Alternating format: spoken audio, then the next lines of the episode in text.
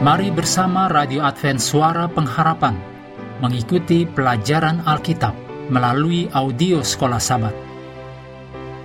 Selanjutnya kita masuk untuk pelajaran Jumat 9 Desember. Ini adalah bagian pendalaman. Mari kita mulai dengan doa singkat yang didasarkan dari Mazmur 24 ayat 4. Orang yang bersih tangannya dan murni hatinya – tidak menyerahkan dirinya kepada penipuan dan tidak bersumpah palsu. Amin.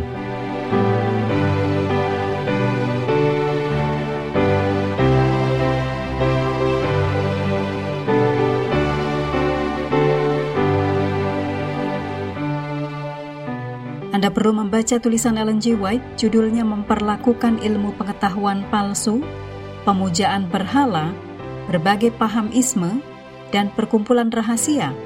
Dalam buku Mari Bersaksi halaman 645 sampai 652 dan dengan judul Spiritisme. Dalam buku Konfrontasi halaman 142 sampai 152. Ada sebuah yayasan yang mengklaim bahwa mereka menciptakan teknologi yang memungkinkan kita menghubungi almarhum melalui teks panggilan telepon, dan konferensi video. Menyebut orang mati, PMP atau Post Material Person.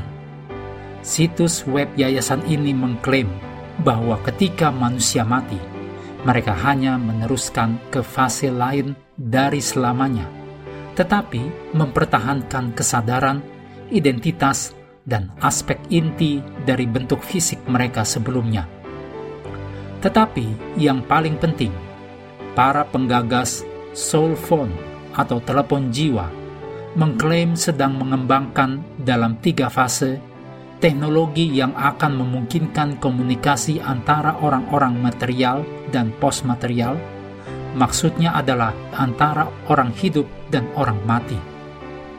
Fase pertama akan memungkinkan mengirim pesan teks dan mengetik dengan keluarga, teman, dan pakar posmaterial di setiap bidang keahlian. Fase 2 memungkinkan berbicara dengan orang-orang yang Anda kasihi, yang tinggal di bagian lain dari selamanya.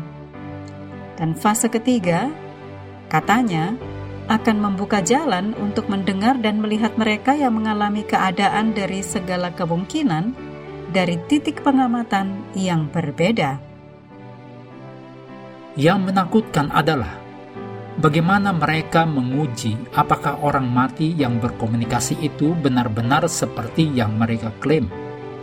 Misalnya, kata situs itu, orang tua yang berduka mungkin mengajukan pertanyaan berikut kepada seorang putra atau putri yang telah berganti dunia. Apakah kamu memiliki seekor anjing bernama Snoopy ketika kamu masih kecil? Apakah kami memberi kamu pisau saku untuk ulang tahunmu yang ke-10? Betapa menariknya melihat terang dari peringatan atau amaran yang berikut ini. Ditulis oleh Ellen G. White dalam Alpha dan Omega Jilid 2 halaman 341.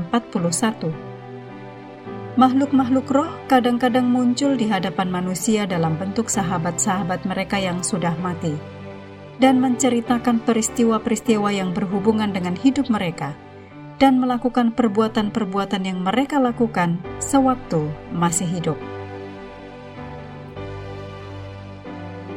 Berikut hal-hal untuk diskusi.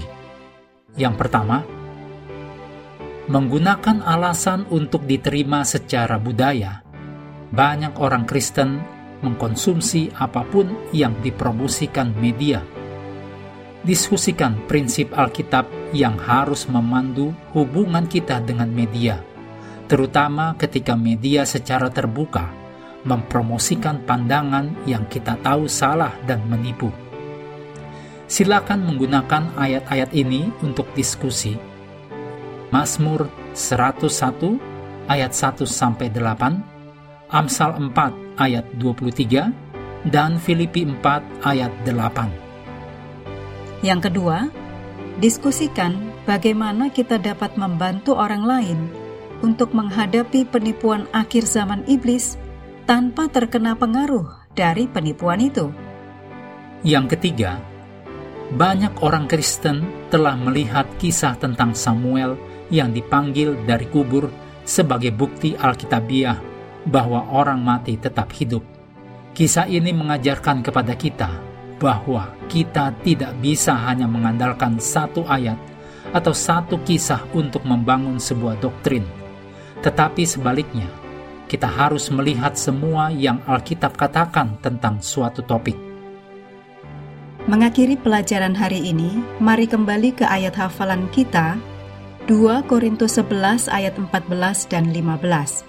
Hal itu tidak usah mengherankan, sebab iblis pun menyamar sebagai malaikat terang. Jadi bukanlah suatu hal yang ganjil jika pelayan-pelayannya menyamar sebagai pelayan-pelayan kebenaran. Kesudahan mereka akan setimpal dengan perbuatan mereka.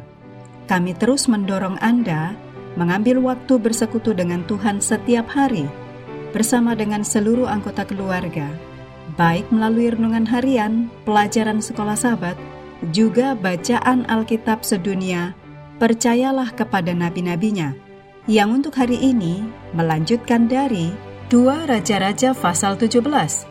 Tuhan memberkati kita semua.